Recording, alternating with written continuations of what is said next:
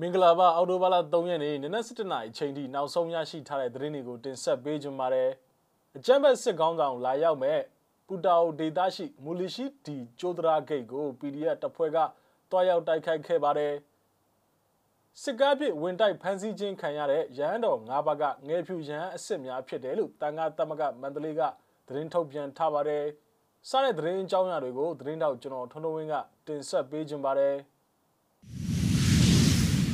ပထမအဆုံးအနေနဲ့တင်ဆက်ပေးခြင်းတဲ့သတင်းကတော့အကြံဘက်စစ်ကောင်စီတပ်ကလုံခြုံရေးချထားတဲ့ကချင်ပြည်နယ်ပူတာအိုဒေသမှာရှိတဲ့မူလီရှိဒီကျိုဒရာဂိတ်ကိုဒီကနေ့အော်တိုဘာလ3ရက်နေ့နနက်တနာရီဝန်းကျင်ချိန်ခန့်ကပူတာအိုပြည်သူ့ကာကွယ်ရေးတပ်ပူတာအို PDF ကတွားရောက်တိုက်ခိုက်ခဲ့ပါတယ်။ပူတာအိုမြို့နယ်အဝေးမှာရှိတဲ့အဆိုဘာဂိတ်မှာအကြံဘက်စစ်ကောင်စီတပ်ဖွဲ့ဝင်များနဲ့ရဲများကိုစုပေါင်းလုံခြုံရေးချထားတာဖြစ်ပြီးတော့ပူတာအို PDF အဖွဲ့က လက်နက်ကြီးလက်နက်ငယ်များနဲ့အချက်ရည်ဆယ်ချက်တည်းမနဲ့တွားရောက်ပစ်ခတ်ခဲ့ခြင်းဖြစ်ပါတယ်။အာနာသိန်းအကြမ်းမဲ့စစ်ကောင်းဆောင်ဗိုလ်ချုပ်မူကြီးမင်းအောင်လှိုင်ကရှမန်နေကရှမ်းပြည်နယ်တောင်ကြီးကလောအောင်ပန်းမြင့်များကိုတွားရောက်ခဲ့ပြီးတော့ကချင်ပြည်နယ်ပူတာအိုဒေသကိုလာရောက်မယ်လို့သတင်းများထွက်ပေါ်နေချိန်မှာလုံခြုံရေးရယူပေးထားတဲ့အကြမ်းဖက်စစ်ကောင်စီတပ်ဖွဲ့ဝင်များကိုဒေသအခြေပြုပြည်သူ့ကာကွယ်တပ်ဖွဲ့များကတွားရောက်တိုက်ခတ်ခဲ့ခြင်းဖြစ်ပါတယ်။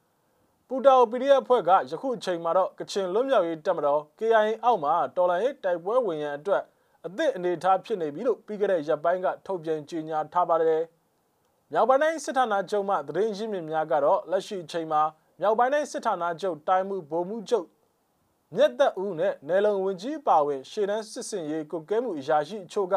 ပူတာအိုမြို့အခြေစိုက်ခလာရ46တရင်ကိုယမန်နေ့အော်တိုဘာလ2ရက်နေ့မှာရောက်ရှိနေခဲ့ပြီးတော့ အကြိမ်ကြိမ်ရွှေဆိုင်နေရတဲ့စစ်ကောင်းဆောင်ရဲ့ပူတာအိုခီးစဉ်အတွက်မြောက်ပိုင်းတိုင်းတိုင်းမှုနဲ့နယ်လုံအဖွဲ့တို့ကနေပြည်တော်တရင်များလုံခြုံရေးရယူနိုင်ရေးအနိကကုတ်ကဲရယခုလိုကြိုတင်ရောက်ရှိနေခဲ့ခြင်းဖြစ်တယ်လို့သိရပါတယ်ဆလဗီတင်ဆက်ပေးခြင်းတဲ့သတင်းကတော့စစ်ကားဖြစ်ဝင်တိုက်ပြီးကျန်းပတ်ဖမ်းဆီးခြင်းခံခဲ့ရတဲ့မန္တလေးတန်ခါတမကတပိတ်စစ်ကြောင်းမှရန်တော်၅ဘက်ကငယ်ဖြူရန်တော်အစ်စ်များဖြစ်ကြောင်းနဲ့ တာသနာအတွက်ကြိုးပမ်းနေသူများဖြစ်ကြောင်းကိုတန်ခါတမကမန္တလေးကသတင်းထုတ်ပြန်လိုက်ပါတယ်။အဖမ်းဆီးခံရတဲ့ရဟန်းတော်များနဲ့ចောင်းသားများမှာကျမ်းမာရေးကောင်းမွန်ပြီးတော့တာသနာနဲ့ပြည်သူအတွက်အမှန်ရဲဝံ့စွာယက်တီကြတဲ့ငယ်ပြူရဟန်းတော်များဖြစ်ကြပါတယ်။ပရယတိဆိုင်ရာမှာလည်းတာသနာအတွက်အာသွန်ခွန်ဆိုင်ကျိုးပမ်းနေကြတဲ့ရဟန်းတော်များဖြစ်ကြတယ်လို့ထုတ်ပြန်ကြတဲ့မှာပါရှိပါတယ်။မန္တလေးမြို့မှာယမန်နေ့အော်တိုဘာလ2ရက်နေ့မော်လပိုင်းအချိန်က စစ်အာဏာရှင်ပြုတ်ကျရေးငြိမ်းချမ်းစွာခြိတက်ဆန္ဒပြနေကြတဲ့တန်ခါတမကတပိတ်စစ်ကြောင်းကိုအကြမ်းဖက်စစ်ကောင်စီလက်နက်ကိုင်အဖွဲ့ကစစ်ကားဖြင့်ဝင်တိုက်အတန်ဘုံခွဲပြီးတနက်ဖြစ်ပစ်ခတ်ဖြိုခွင်းခဲ့ရာရန်တော်တပါတနက်ကြီးစံထိမှန်ဒဏ်ရာရရှိခဲ့သလိုရန်တော်၅ပါးနဲ့လူ၃ဦးကလည်းဖမ်းဆီးခြင်းခံခဲ့ရပါတယ်လူဝစ်အတင်းဝစ်ခိုင်းတဲ့ရန်တော်တွေကဖျားစကားတော်နဲ့အညီတိမ်ဝင်ထားတဲ့ငယ်ဖြူရန်တော်အစ်စ်များဖြစ်ပါတယ်။ ဘလို့ပင်လူဝင်လဲစေကမှုယဟန်ကယဟန်ပါပဲလို့တန်ခါတမကယဟန်တော်တပါးကမိတ်ဆိုပါတယ်ဖန်စီခံထားရသူများတစုံတရာထိခိုက်ဒဏ်ရာရပျောက်ရှမှုတို့ဖြစ်ခဲ့ရင်အကြမ်းဖက်စစ်ကောင်စီဘက်ကတာဝန်ယူမှုတာဝန်ခံမှုရှိရမည်လို့ဝဲမြီစင်းနဲ့တကွထုတ်ပြန်ကြေညာထားပါတယ်မကြဘူးအမေဒီတော့ဒီတေးရောမှာဟန်တစနေပြည့်ဒီ စောက်ဖွက်တွေမှန်တာမီးလေးမီးလေးစောက်ဖွက်တွေမှန်တာဟိုက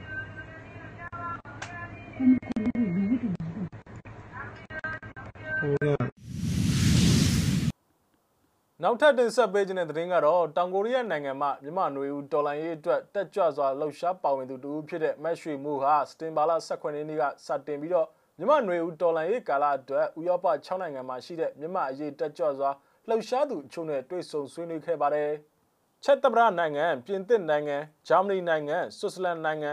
အီတလီနိုင်ငံနဲ့နယ်သာလန်နိုင်ငံများသို့မြန်မာမိတ်ဆွေများနဲ့တွဲဆုံဆွေးနွေးခဲ့ပြီးတော့ဥရောပနိုင်ငံရောက်တိုင်းရင်းသားညီကိုများအားလုံးစူးစီးညီညွတ်စွာຫນွေဦးတော်လှန်ရေးအောင်မြင်သည့်အထိဆက်လက်ဆောင်ရွက်ရန်နဲ့ခီးစဉ်ရဲ့အဆုံးဖြစ်တဲ့နယ်သာလန်နိုင်ငံမှမက်မာဇန်ရဲ့ဖိတ်ကြားချက်အရ ICJ တရားရုံးရှေ့မှာလဲတွားရောက်တွေ့ဆုံခဲ့ပြီးတော့အကြမ်းဖက်စစ်ကောင်စီမင်းအောင်လှိုင်ကိုအမြန်ဆုံး စစ်ခုံရုံးတင်နိုင်ရန်အတွက်ပူးပေါင်းဆောင်ရွက်သွားမယ်လို့သိရပါတယ်။อืมမပြောပြောရပြောပြချင်တာတော့ဒီဥရောပကိုလာတဲ့အဓိကရည်ရွယ်ချက်ကဟိုဥရောပမှာရှိတဲ့မြန်မာမောင်နှမတွေတွေ့ဖို့ပေါ့နော်။ဒီမောင်စစ်ကြီးလုံးလုံးနဲ့မောင်အာနာရှင်တွန်းလှန်ဖို့အဓိကပေါ့နော်။အဲနောက်ပြီးတော့မှဒီချက်သမရနိုင်ငံမှာဆရာဦးလင်းတန်မိသားစုနဲ့တွေ့ပြီးတော့ဟကျမတို့ဒီနိုင်ငံရေးအတွက်တည်တင်တည်တိုက်တာတွေမှာအများကြီးဆရာဆရာတင်ခဲ့တယ်နော်အဓိကတော့အဲ့အဲ့ဒီအရာတွေအကြောင်းစီယုံစီ ဟိုမောင်နှမတွေအားလုံးဒီပြည်ပရောက်နေတဲ့ဥရောပရောက်နေတဲ့မောင်နှမတွေအားလုံးစီစီယုံနဲ့အာနာရှင်ကိုတွန်းလှန်ဖို့အဓိကချက်အမအဲ့ဒီချက်သမရနိုင်ငံအပြင်ကိုအခြားနိုင်ငံတွေမှာရောဘာတွေလှုပ်ဆောင်နိုင်ခဲ့လဲဆိုတာလေးထပ်ပြောပြလို့ရတယ်ပြပြပေးပါလားမပထမဂျာမနီလာတယ်ဂျာမနီကနေပြီးတော့မပြင်သစ်ကိုသွားတယ်ပြင်သစ်မှာလည်းမတို့ဒီဟိုကမြန်မာလူမျိုးမြန်မာအမတို့မြန်မာအဲ့ခိုင်ပြင်သစ်ပြင်သစ်နိုင်ငံရဲ့ဒီပါလီမန်ရှိမှာပေါ့နော်မတို့ဒီစီအာနာ ရှင်ချုံငင်းချုံငင်းဖို့တက်မှာဆန္ဒပြခဲ့တယ်နောက်ပြီးတော့ဒီပြင်သစ်နိုင်ငံမှာလည်းဒီ Thai Alliance နဲ့ပေါ့နော် Thai Alliance နဲ့ပေါင်းပြီးတော့ဒီဆီအာနာရှင်တို့ကြရေးအတွက်အမဆန္ဒပြခဲ့တယ်နောက်ပြီးတော့အမဒီခုဒီကိုလာတာနယ်သာလန်ကိုလာတာလေဒီ ICC ရှေ့မှာကိုရောက်နေတာလေအမေသမီးဟိုမမဆန်နဲ့တူရနော်ဒီမမဆန်ရဲ့ဖိတ်တောင်းကြောင့်မှဒီကိုလာခဲ့ပြီးတော့နောက်တစ်ခုကကြတော့ဒီမင်းအောင်နိုင်နဲ့မင်းအောင်နိုင်ပေါင်းပါတွေလာမဲ့လမ်းကိုပြချင်တယ်သူတို့သူတို့သွားရမယ့်နေရာ ICC အဲ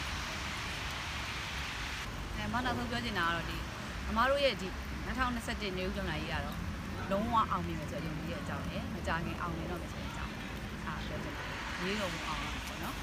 ရေးတော်ဘုံရေတော်ဘုံအောင်ရမည်ရေတော်ဘုံအောင်ရမည်ရေတော်ဘုံအောင်ရမည်နောက်ဆုံးအနေနဲ့နိုင်ငံတကာသတင်းတစ်ပုဒ်ကိုလည်းတင်ဆက်ပေးကြပါမယ်တရုတ်မျိုးသားနေမှာတရုတ်နိုင်ငံရဲ့ခေါင်းဆောင်ရှီကျင်းဖင်ရဲ့ပုံတွေကိုကန်ဆောင်ပြီးတော့ထိုင်ဝမ်နိုင်ငံမှာဆန္ဒပြခဲ့ကြပါတယ် အပြည့်စုံကိုတော့မြစည်းမသတင်းဌာနကနေပြီးတော့တင်ဆက်ပေးထားတာပါနားထောင်ကြည့်အောင်ပါတရုတ်ပြည်သူသမ္မတနိုင်ငံကိုစတင်တည်ထောင်သည့်အထိမ့်မဲ့နေ့ရက်ဖြစ်တဲ့တရုတ်မျိုးသားနေ့မှာပေကျင်းရဲ့ဖိနှိပ်တဲ့မူဝါဒများဖြစ်ရှုမြင်တဲ့ဟောင်ကောင်နဲ့တိဘက်လူမျိုးတွေကကန့်ကွက်ဆန္ဒပြခဲ့ကြပါတယ်။ဆန္ဒပြသူတွေဟာတရုတ်သမ္မတရှီကျင်းဖျင်ရဲ့ ပုံတူကားချက်တွေပေါ်မှာအနက်ရောင်ဆေးတွေတုပ်ပြီးသူတို့ရဲ့ဒေါသကိုဖော်ထုတ်ပြသခဲ့ပါတယ်။တရုတ်ပြည်သူသမ္မတနိုင်ငံတည်ထောင်ခြင်းအထိမ့်မဲ့နေ့ဖြစ်တဲ့အော်တိုဘာလ၁ရက်တောက်ကြနေ့က၎င်းရဲ့ကာကွယ်ရေးဇုံကိုဖျက်ပြီးတရုတ်တိုက်လေယာဉ်25စီပြန်တန်းခဲ့ကြောင်းထိုင်ဝမ်ကပြောကြားလိုက်ပြီးဒါဟာလပေါင်းများစွာအတွင်းအကြီးမားဆုံးကျူးကျော်မှုဖြစ်တယ်လို့ဆိုပါတယ်။တရုတ်ဟာ၎င်းရဲ့နေမြေတစ်စိတ်တစ်ပိုင်းဖြစ်သတ်မှတ်ထားတဲ့ကိုယ်ပိုင်အုပ်ချုပ်ခွင့်ရ ဒီမိုကရက်တစ်ကျွန်းစုအနီးမှာအမျိုးသားနေအထိမ့်မဲ့ဖြစ်ယခုလိုအင်အားပြသခြင်းဟာထိုင်ဝမ်ရေလက်ကြားကိုမကောင်းတဲ့ရည်ရွယ်ချက်နဲ့ပြည်တိုင်ကစစ်သင်္ဘောတစ်စင်းစေလွတ်ခဲ့ကြောင်းဆွဆွဲပစ်တင်ခဲ့တဲ့သတင်းပတ်နဲ့လည်းတိုက်ဆိုင်နေပါတယ်။တရုတ်ရဲ့တိုက်လေယာဉ်22စီးနျူကလ িয়ার တင်ဆောင်နိုင်တဲ့ဘုံကျဲလေယာဉ်20စင်းနဲ့ရင်ငုတ်သင်္ဘောတိုက်ခိုက်ရေးလေယာဉ်တို့ဟာတောက်ကြနေကကျွန်းစုရဲ့အနောက်ဘက်လေကြောင်းကာကွယ်ရေးဇုံတွင်းကိုဝင်ရောက်လာချိန်မှာ တတိပေးတားမြစ်မှုတွေပြုလုပ်ခဲ့ရတယ်လို့ထိုင်ဝမ်ကာကွယ်ရေးဝန်ကြီးဌာနကပြောကြားခဲ့ပါတယ်။တရုတ်ဟာထိုင်ဝမ်လေကြောင်းကာကွယ်ရေးဇုံတွင်းကိုမကြာခဏတိုက်လေယာဉ်တွေဆေလွတ်လေရှိပြီးပြီးခဲ့တဲ့သတင်းပတ်ကလည်း Pacific ဖြတ်ကျော်ကုန်သွယ်ရေးသဘောတူအဖွဲ့မှာပါဝင်ဖို့ထိုင်ဝမ်ကရှောက်ထားအပြီးဇုံအတွင်းကိုစစ်လေယာဉ်24စီးဖြတ်ကျော်ပြန်တန်းခဲ့ပါတယ်။တရုတ်ရဲ့အာဏာရှင်ခေါင်းဆောင်တွေကလိုအပ်ရင်ဒီနေ့မှာထိုင်ဝမ်ကိုအင်အားသုံးတိုက်ခိုက်မယ်လို့တန်ဋိဌာန်ချထားတယ်လို့ဆိုပါတယ်။ဒါဟာ ကျွန်းစုကိုလွတ်လပ်တဲ့နိုင်ငံတစ်ခုအဖြစ်ရှုမြင်တဲ့2006ခုနှစ်သမ္မတ